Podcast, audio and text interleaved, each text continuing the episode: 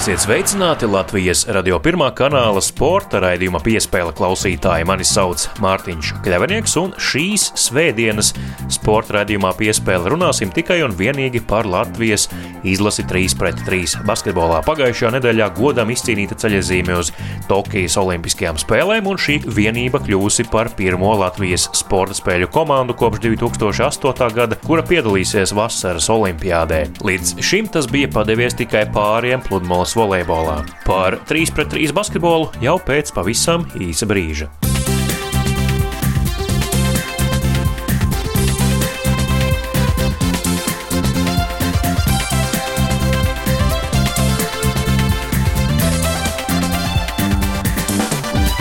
Latvijas 3 pret 3 basketbola izlase veido Agnēs Čavars, Edgars Krūmiņš, Kārlis Pauls Lasmanis un Nauris Miezis, kā arī rezervists Artūrs Strelnieks, galvenais treneris Raimons Feldmanis, tāpat arī fizioterapeits Oskars Urbanovičs, un šī te komanda kopīgiem spēkiem tad arī sasniegusi Tokijas Olimpiskās spēles, kurās piedalīsies astoņas pasaules labākās šī sporta veida komandas. Ar Latvijas izlases galveno treneri Raimondu Feldmani un spēlētājiem Agni Čavaru un Kārli Kārli Paulu Lasmani sarunājās mans kolēģis Reinis Grunsteņķis. Vai tajā pašā sākumā, kad jūs braukājāt ar tiem mazajiem turnīriem, jums bija tas mērķis kvalificēties uz Olimpiskajām spēlēm, vai arī tajā momentā vēl tas viss likās pārāk uh, nereāli? Vispār paziņoju, ka šis ir olimpiskais sporta veids, ka turnīrā tieši ka mēs kvalificējāmies uz Eiropas čempionātu.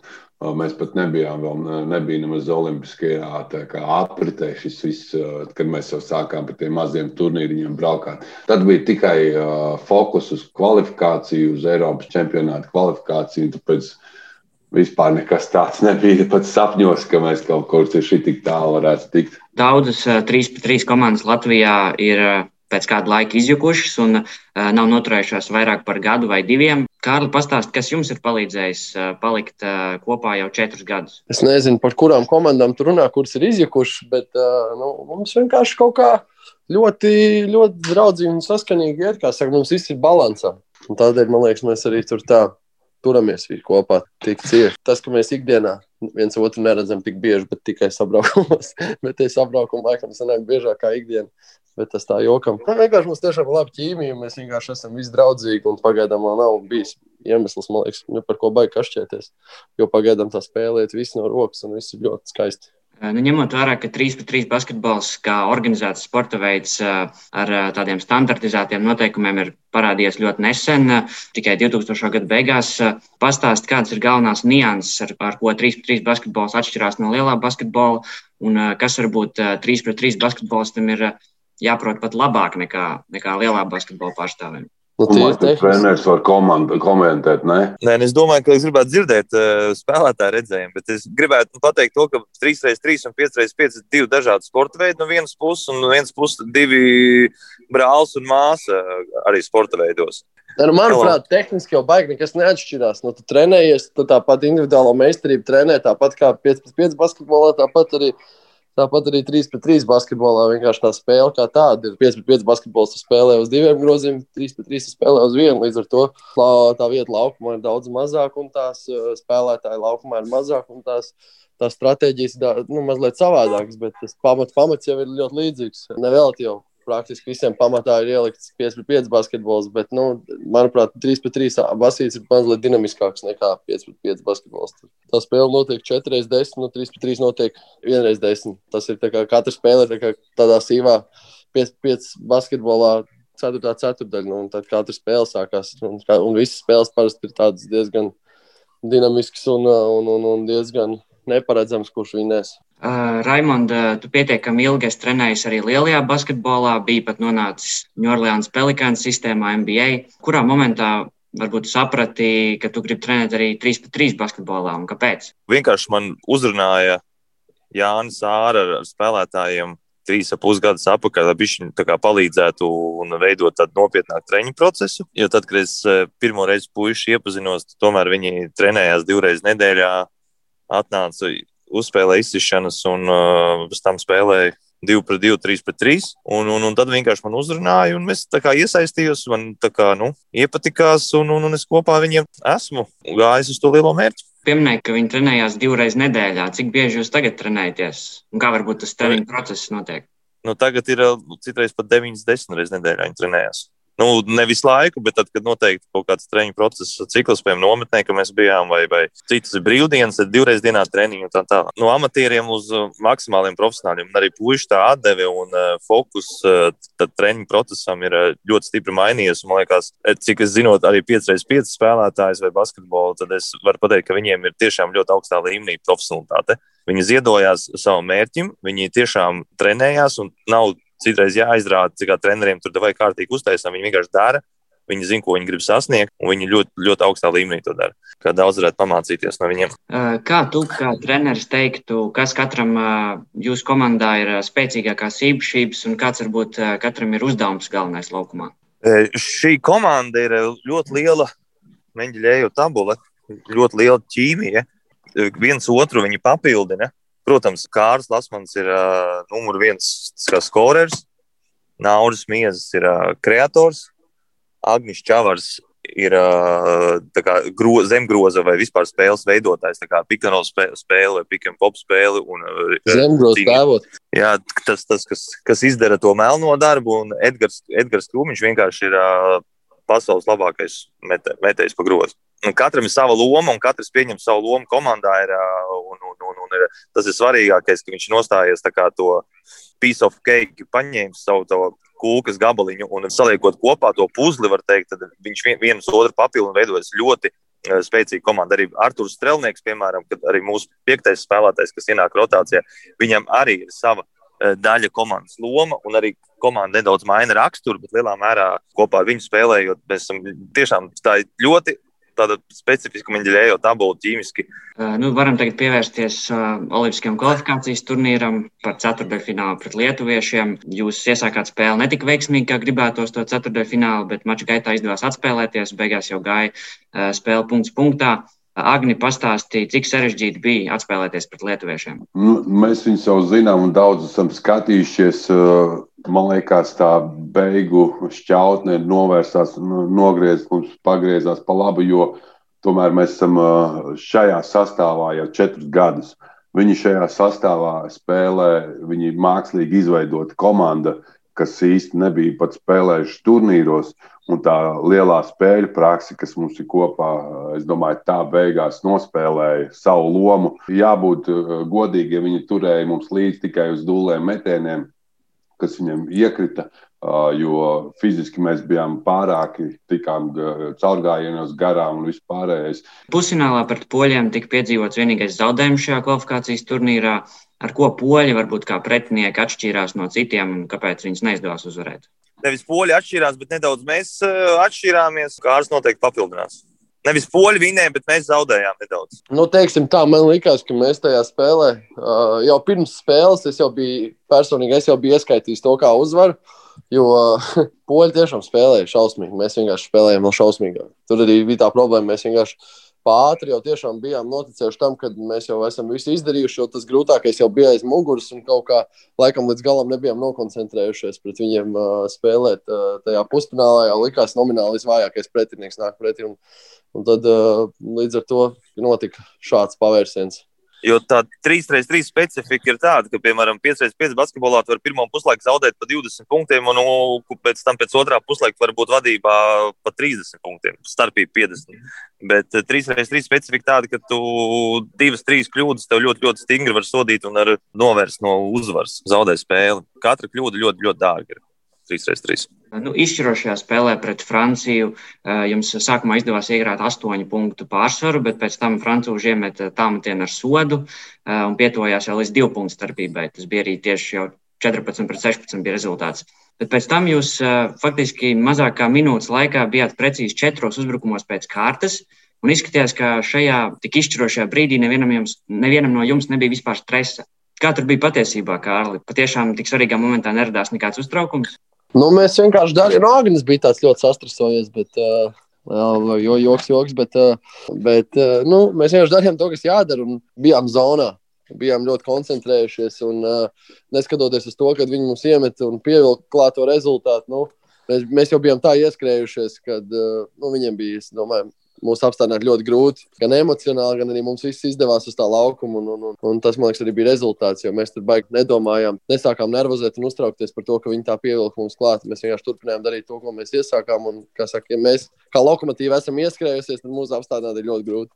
Arī vēl viena 3 pret 3 basketbola īpatnība ir tāda, ka visas trīs izslēgšanas spēles, kas ir ļoti svarīgas, notiek vienā dienā. Agni, kāda ir sajūta, kad trīs reizes vajag būt tu jau nospēlēji to vienu spēli, tad tev atkal vajag sagatavoties nākamajai spēlē. Šī visa nedēļa, man liekas, bija tāda interesanta. Man personīgi tādas emocijas dzīvē nekad nav bijušas. Jo visu laiku tur tā vēdera kņudoņa, ka katrs mačs ir svarīgs, katrs mačs ir svarīgs. Un citreiz tu tur, piemēram, aizbrauc uz turnīru, tur pirmajā dienā tu zini, ka tev grupā tur varbūt viens būs vājāks pretinieks, to tu vi, obligāti vinēs. Tad jau būs automātiski, un nākošajā dienā tev vienu dienu jānofokusēs un maudz. Bet te tā kņudoņa visu laiku tev vēderā bija un visu laiku. Visi jau saka, nekāds uztraukums nav, čils, čils, bet nu, man arī visi cilvēki, kas skatījās spēles, tik fokusēti uz tās sejas vaipstus, ka mūs izsauc ārā. Viņi nekad nebija mums redzējuši. Tas nozīmē, ka mēs bijām simtprocentīgi visi iekšā katrā spēlē. Tas organizācijas tas līmenis bija kā bija. Jo tev aizved uz laukumu tikai pusstundu pirms mača. Tev jābūt jau gatavam spēlēt, uztaisīt uh, savu pulsu augstāk, lai tu vari uzreiz uzsākt uh, augstā intensitātē to spēli. Bet, uh, un uzreiz pēc spēles tev neatsildīties ļauj neko uzreiz uz viesnīcu. Kaut vai tev starpā starp spēlēm ir stunda, tev aizved uz viesnīcu, tad treneris sagatavojas video, skautingu, mēs noskatāmies video, un atkal tu sildies jau nākošajai spēlei Un tā iesildīšanās ir viesnīcas koridorā. Nu, tas nav īsti parasti viss mums notiek. Tāpēc bija tāds tā kā, mazs uh, diskomforts, pat teiktu. Tas diskomforts baigi palīdzēja, ka mēs diezgan labi spēlējām. Bet uh, kopumā, jā, kad tu atslābsti un atkal tev jākoncentrēs, un kad katra spēle ir gandrīz vai pēdējā, nu, ļoti izšķirīga, tad ir kā ir. Un tad tu atbraucot mājās, man personīgi bija tāds tas eh, emociju, laikam, klikšķis, kurš atslēdzās, un kad tu vienkārši kā sabrukus mājas, sēdi divānā un skaties hoķi, un vispār nekādas emocijas tev vairs nav. Bet uh, tad, kad Nauris tajā pēdējā uzbrukumā aizgāja caurgājienā un iemeta uh, tos izšķirošos punktus, noraksturojot, kāds bija tās sajūtas, ka beidzot ir atmaksājies viss tas darbs un ir sasniegts mērķis, ko ir četrus gadus iet. Asaras acīs, laime, prieks. Es jau džekiem vairāk kārt, kārt esmu teicis, ka par šito kādam būs jāsaņemās un jāuzraksta grāmata, jo šitais ceļš, kas bija kopā iet, tas ir gan labiem, gan sliktiem, pozitīviem, negatīviem, visvisādiem soļiem uh, iet. Bet, nu jā, kad četri gadu darbs tev ir uh, izdarīts, tas tāds baigais gandarījums ir. Es domāju, ka mēs neapstāsimies, jo mums vēl viens solīts ir priekšā jāizdara visiem kopā, jāturpina koncentrēties, jāizdara tas viss darbiņš. Manuprāt, tas grūtākais ceļš ir priekšā. Tās divi mēneši līdz Olimpiskajām spēlēm un tās Olimpiskās spēles. Protams, liels darbs ir izdarīts, bet uh, punktiņš uz īri jāuzliek. Un, lai uzliktu to punktiņu uz īri, būs diezgan smags darbs tagad jāiegulda. Un, diezgan daudz, es domāju, jāziedojas. Ne tikai mums, bet arī mums tuviem cilvēkiem, man liekas es ļoti ceru, ka mums izdosies arī atvest no Tokijas to zelta mājās. Kārli, tu nāc pats no ļoti sportiskas ģimenes. Tavs teicis, Uģis ir piedalījies divās Olimpiskajās spēlēs airēšanā, 92. gadā Barcelonā, 98. gadā Atlantā. Cik tas ir nozīmīgi priekš tevis, ka tagad tu vari iet viņa pēdās? Protams, tas ir ļoti jauki, kad uh, var paturpināt šo ķēdīti. Un es domāju, ka ne tikai man, bet arī manai māsai izdosies nokļūt uz Olimpiskajām spēlēm. Es domāju, vecāki ļoti lepojās, un uh, tas ir ļoti jauki un nozīmīgi. Bet no otras puses, skatoties, skaisti tas, ka mums uh, tajās Olimpiskajās spēlēs ir astoņas komandas. Tas nozīmē, ka mēs jau automātiski esam astoņniekā. Mm. Mans tēvs bija devītais abās reizēs. Nu, tā kā es jau esmu viņam ielicis. Raimond, līdz Olimpiskajām spēlēm varētu ieskatīt, kā jums izskatīsies tie tuvākie divi mēneši. Pirmais, nu, mēs tā kā nākamo nedēļu jau tādu struktūrizētu sāksim gatavoties Olimpijādē. Tad mēs līdz 1. jūlijam būsim par Rīgu. Mēs 1. jūlijā brauksim uz nometni Spānijā. Varbūt tās pirms nometnes mēs brauksim uz Francijas turnīru. Un no Francijas turnīra pat taisno uz nometni. Un tad, kad mēs atbrauksim 13. jūlijā no, no nometnes Spānijā, tad pēc 16. Eh, jūlijā jau lidosim uz, uz uh, Olimpiskām spēlēm. Vai jūs vispār zinat, ko sagaidīt no Olimpiskajām spēlēm? Nu, šogad būs nedaudz atšķirīgi, nebūs varbūt skatītāji, bet vai jūs zinat, ko sagaidīt no četru gadus lielākā sporta pasākuma? Ļoti daudzos burbuļos esam startējuši. Būs Olimpiskās spēles, tāds savu veidu arī burbulis būs. Pa pretiniekiem, ja tā skatās, arī mēs apmēram visus pretinieks mēs zinām. Gribam sagaidīt pēdējo astoto komandu, kas piedalīsies Olimpiskās spēlēs, tagad Debrecenē izspēlēs. Nu, un visbeidzot, ko jums vajadzētu novēlēt pirms došanās uz Olimpiskajām spēlēm? Veselību. Tad to arī novēlu. Paldies, kungi, ka atradāt laiku un uh, lai jums viss izdodas Olimpiskajās spēlēs. Super. Paldies! Paldies! Paldies. Čau, čau. Lai, lai tev arī jauka izdevīga diena. Tajā brīdī es biju labākais pasaulē. Visas pirmās vietas ir līdzvērtīgas zeltam. Spēlētājiem gadās slikts, labs spēles sērijas, bet ir jāceļās, jāmāk piecelties un parādīt savu sniegumu.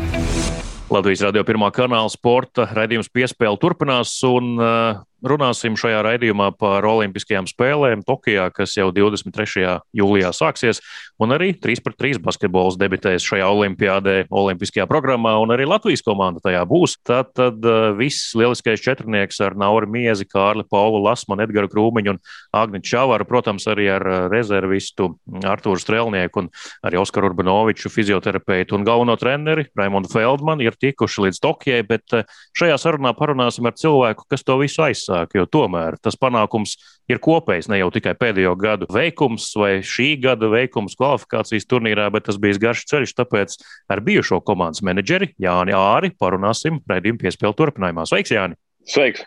Nu, kāds ir tavs status šobrīd? Tu esi Latvijas 3 pret 3 izlases līdzjutējs. Kā to var definēt? Tā var teikt, jā. Šobrīd tā ir sanācis, kad skatos visu no malas, priecājos tikai par džekiem. Parunāsim par to pirmsākumu, jo tu biji tas cilvēks, kurš šo komandu izveidoja gal galā tādā sastāvā, kāda mm. -hmm. tā ir. Vismaz to četru spēlētāju sastāvā, kas ir redzamākie. Tas mm. -hmm. viss sākās pirms aptuveni, ja es nemaldos, četriem gadiem, 2017. gadā. Palabo man, ja es kļūdos. 2017. Jā, 17. gadā pirmo reizi aizbraucām uz, uz to Eiropas čempionu kvalifikāciju. Kāds bija tas sākums, veidojot komandu? Nu, Raimons Elbekens no Geto Games pateica, ka jāveido komanda, vai kā tas viss sākās? Kur bija tā Jā, jā, tā dzirkstele? arī bija. Jo, labi, ka mēs jau pirms tam veidojam tās komandas, kaut kur braucām uz kaut kādiem internacionāliem turnīriem, bet tad parādījās tā iespēja, kad var aizbraukt uz Eiropas čempionu. Nu, ka tam vajadzētu pieiet tā bija šī nopietnā. Neviens nebija uzņēmies to, kā lai saka, pārvaldību tieši par 3 pret 3 basketbolu. Jā, oficiāli Geto Games ar Raimu, ar manīm gāja priekšu un uzņēmās to un uh, izveidojām to komandu. Protams, lai, mē, lai tā varētu skatīties Latvijas basketbola izlases, bija jāiet uz basketbola savienību, jāprezentē tas viss un, un, bla, bla, bla, jo viņiem nebija konkrēts cilvēks, kas par to rūpējās. Ko tagad jau viss ir. Tagad ir ziedu laiks, tad jau viss notiek. Nu, tā cik, es esmu, cik es esmu dzirdējis, tur toreiz bija tā, ka vispār basketbola savienībā īpaši tas neinteresēja. Vāciet, brauciet, labi, dariet, ko gribiet. Apmēram tā. Tā arī bija. Man tur bija jāstiekās ar Jučmanu. Ar viņu pāris reizes tikāmies par to sastāvu. Un viss viņš viņu apstiprināja no Latvijas Basketbola Savienības puses, un uh, tad arī braucām. Kā tas sastāvs tapa? Tie, kuri no radioklausītājiem nav redzējuši dokumentālo filmu no Geto uz Olimpiādu, kur tu arī tomēr par to drusciņu stāstīji. Nu, kāds bija tas pirmsākums? Ar ko tu sāc? Tu paņem baltu lapu, zīmolu pildspalvu un sāc rakstīt potenciālos vārdus, vai kā tas notiek? Tas notika tā, ka es paņēmu vienu spēlētāju, ap kuru es arī apbūvēju to komandu. Tas bija Nāvis Miezis. Jo es pats ar viņu biju spēlējis kopā, un, un, un viņš tiešām radīs tam sporta veidam. Es jau zināju, Džekus, kā nekā es pats tur vairāk getiņu, geto basket čempions esmu. Un tad jau uh, man tā vīzija bija priekšā. Pirmais bija Edgars Krūmiņš, kur es uzrunāju, jo trīspunktmetējs ir ļoti, ļoti svarīgs. Tomēr 3-3 basketbolā. Un viņš to arī ļoti labi prot darīt. Viņš vispār bez vārdu runas piekrita.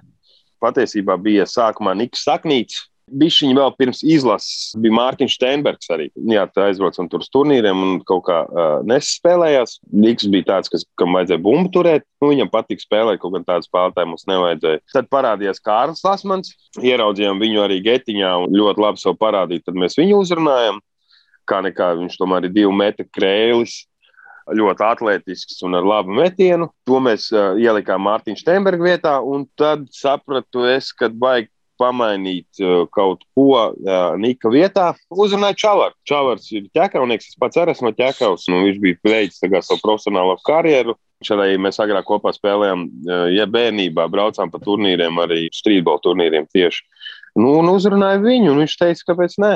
Tur daudz, daudz jau arī publiski runāts, un šķiet, tu esi arī stāstījis par to, kā bija salikt kopā šos abus tevis pieminētos Batmanu un Robinu, Nauru Miezu un Kārlu Paulu Lasmanu. Viņiem jau abiem vajag bumbu arī, nu, viņi abi grib bumbu. Jā, jā, jā. tur ar to arī bija tāds krīpīgi jautājums par to, ka, nu, ot, kā tagad būs. Jo, godīgi sakot, es pats uztraucos, kā būs. Abiem gribas bumbu, tādā, pieņemsim, getiņā, ok, viens var vilkt. Tur nav laika ierobežojums, tur vairāk var atpūsties, vairāk var pavilkt laiku, bet tādā 3-3 basketbolā nu, tu viens nevari. Nu, tur nevar. Tev ir momentāli no uzbrukuma uz, uz aizsardzību un 12 sekundes. Un, un tas ir tāds sprints, ka tev ir jādalās, gribot, negribot. Tad beigās izrādījās, ka ļoti labi ir tā, ka ir divi, kas var kontrolēt to bumbu. Un, nu, viņiem arī ļoti labi sanāk. Protams, sākumā bija tā, ka nu, kurš tad būs tas īstais līderis. Laika ejot, sadalījās tās lomas un, un sanāk viņiem. Agnēs Čavars, es saprotu, tu viņu izvilki no absolūtas programmētāja karjeras pilnu laiku. Ja? Nē, viņš jau vēl līdz šim ir programmētājs. Tur jau īstenībā ar to mums paveicās, ka viņš nav, nezinu, kaut kādā citā amatā, valdībā vai, vai nu, vienalga, kur vai kaut kāds uzņēmuma mm. vadītājs vai kaut kas, kad viņam visu laiku ir jābūt uz vietas. Tomēr programmētājs ir vairāk darbs pie datora, un kā mēs zinām, ka datoru to arī lietot visur vai paņem datoru līdzi un tad ceļojumā pastrādāt. Tad ar to mums patiesībā tā paveicās. Naurim jau arī bija problēmas ar, ar darbu. Nu, es tur viņš strādāja Alderies, viņam tur rakstīju Alderim vēstules, lai laiž viņus turnīriem. Bet tā, tā bija tieši vasaras sezona, kad nu, kad, eh, kad tādā jomā ir, tur ir eh, jāiet uz nakti. Tur ir noiet, nu, un beigās sanāca, jā, ka nu, viņi atlaida, vai viņš pats aizgāja. Nu, tad, nu, tas tur tāds sīkums, bet nu, tik un tā nu, arī viņi komerces turnīrs vinnēja, kaut kādas naudas nopelnīja. Un pēc tam jau nāca pretī Olimpiskā vienība ar stipendijām. Ok, viņas tur neielika mūsu, tā kā viņas vajadzēja ielikt tur A sastāvā sākumā vienkārši arī jauns sporta veids. Viņi nezina, ko no mums gaidīt, kas un kā. Jo, jo mums pienācās pēc pirmā gada, ne, nu, pēc Eiropas čempionu uzvarēšanas, mums pienācās A līmenis eh, LOF sastāvā. Mums ielikt B līmenī. Nu, līdz ar to tās stipendijas mazākas, bet, nu, ok, tur viss medicīniskās aprūpes, ceļojuma naudas bija, viss kārtībā.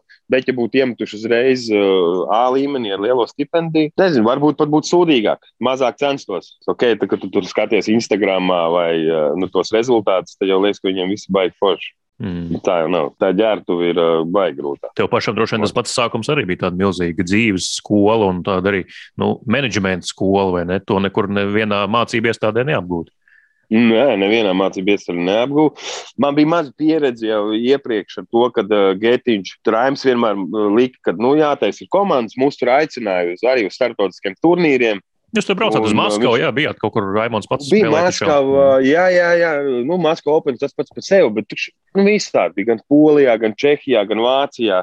Viss kaut kur jau tie turnīri bija. Un, un tad mēs braucām, mūs aicināja, paši kāpām mašīnās. Tad jau man lika vākt tās komandas taisīt kopā. Un nebija pieredze jā, ar tiem visiem papīriem, kas FIBA ir vajadzīgi, un visas tās atskaites un vispārējais. To man nebija pieredze. Tie tomēr tie FIBA turnīri tādi bišķi nopietnāki. Nu, un pēc tam jau, kad Latvijas Olimpiskā vienība nāk klāt, tur viss tās dopinga kontrols un, un ko tu drīkst, ko tu nedrīkst un bla, bla, bla. Tad uh, tas vēl sarežģītāk. Bet viss tā pakāpeniski. Tad nu, varēja iemācīties, nu, pierast pie tā.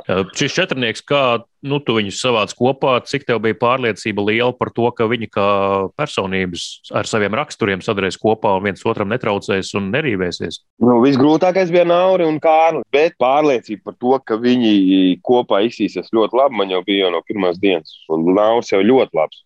Viņam vienmēr ir kaut kā nepaveicies ar treneriem. Nu, Kārls ir tieši tas pats. Nu, viņam iedeva zaļo gaismu un tikai dod vaļā. Jā, nekāds bija tas pats, pats sākums no apstākļu eh, perspektīvas jums, kā Latvijas izlasēji, kur jūs trenējāties, kā jūs zāli vispār dabūjāt. Tu jau minēji agros rītus. Tas bija laikam vienīgais pieejamais laiks, kad jūs vispār varējāt kaut kur tikt. Ja?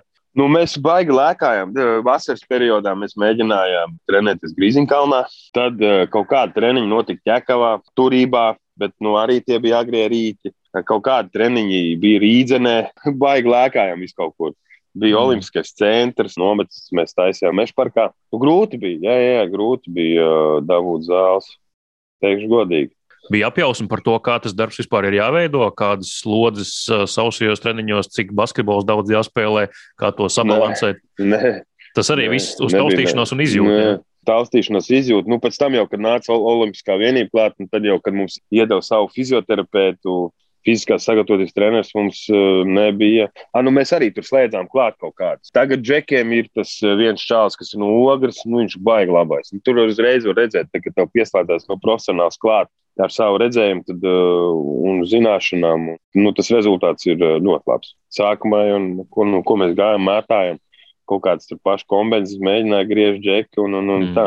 Tagad viņi ir tādi nu, soli priekšā, kad no tā brīža, kad viņi pieslēdz fiziskās sagatavotības treneru, Oskars ir nācis klāt, Feldmans ir nācis klāt. Viņam tā, tā arī finansiālā brīvība daudz lielāka, paši nobriedušāk, nu, tas, tas solis ir lielais.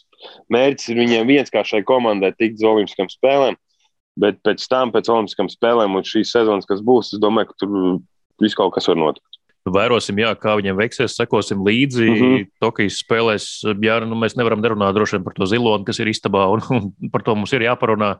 Kāpēc šī sadarbība no, no. beidzās gal galā? Pagājušajā gadā es biju diezgan pārsteigts, kad es vasarā uzzināju, ka tā vairs nebūs Rīga geto basketa komanda, tā būs tagad vienkārši Rīga bez geto basketa. Nu, Džeki gribēja iet savu ceļu. Redzējums bija citādāks un, un, un nesakrita, un nu, viss kārtībā. Nu, tā, tā, tā notiek. Nu, tā kā es saku, tas ir biznesa. Tur nav jāmeklē nekādas konspirācijas teorijas, zemūdens akmeņi. Nu, nē, nu, nav, nav, nav. Viņi, viņi gribēja būt paši par sevi, un, un, un to arī viņam ļāva darīt. Tomēr ir mm. pieauguši. Nu, kāpēc jāiet, ir jārīvējas šī te, ja katram ir sava vīzija? Nu? Jā, nu, gal galā tas mērķis ir sasniegts. Olimpijāda tika pārcelt par gadu. Viņi ir par gadu vecāki, gadu pieredzējušāki. Varbūt arī tas nāks par labu šajā kontekstā.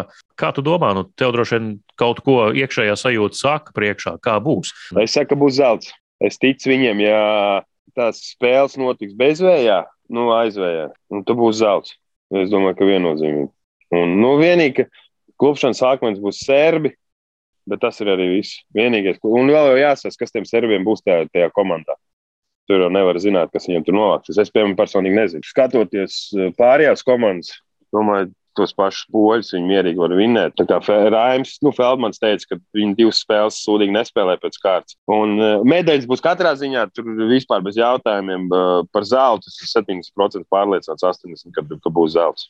Jo tās iespējas, kā tik līdz tai medaļai, jo ir ļoti daudz spēles un, un, un ļoti pretīm nākoši tas, kad ir tur pirmās četras, jau ne pirmās divas, laikam aiziet jau automātiski uz pusfinālu. Nu, tu katra, nu, tur tā izspēļu kārtība ir uh, pateicīga mums. Kā tu vērtēji šo faktoru, ka latvieši parasti vienmēr ieliec tajā pirmajā vilcienā tādos jaunos sporta veidos, olimpiskajā? Nu, tā saimē. ir, jā. Nu, uz to arī ir jāspiež mums.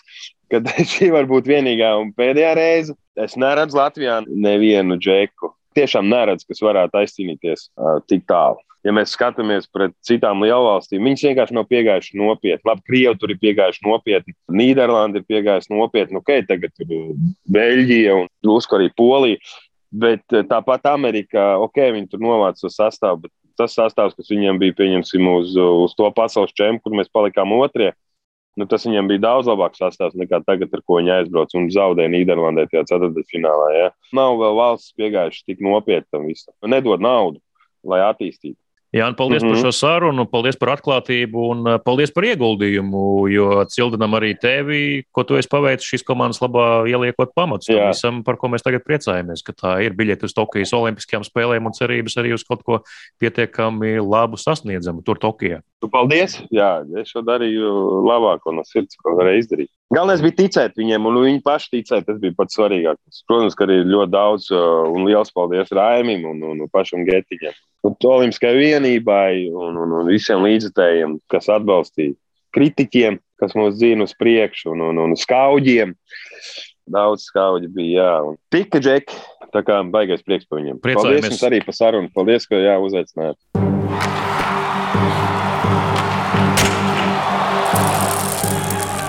Līdz ar to arī izskan šīs nedēļas sporta raidījums piespēle. To vadīju es, Mārtiņš Kļavinieks, bet šo pārraidi veidot man palīdzēja kolēģis Reinis Grunspeņķis. Par labskaņu, kā vienmēr parūpējās Nora Mītspapa uz sadzirdēšanos jau pēc nedēļas.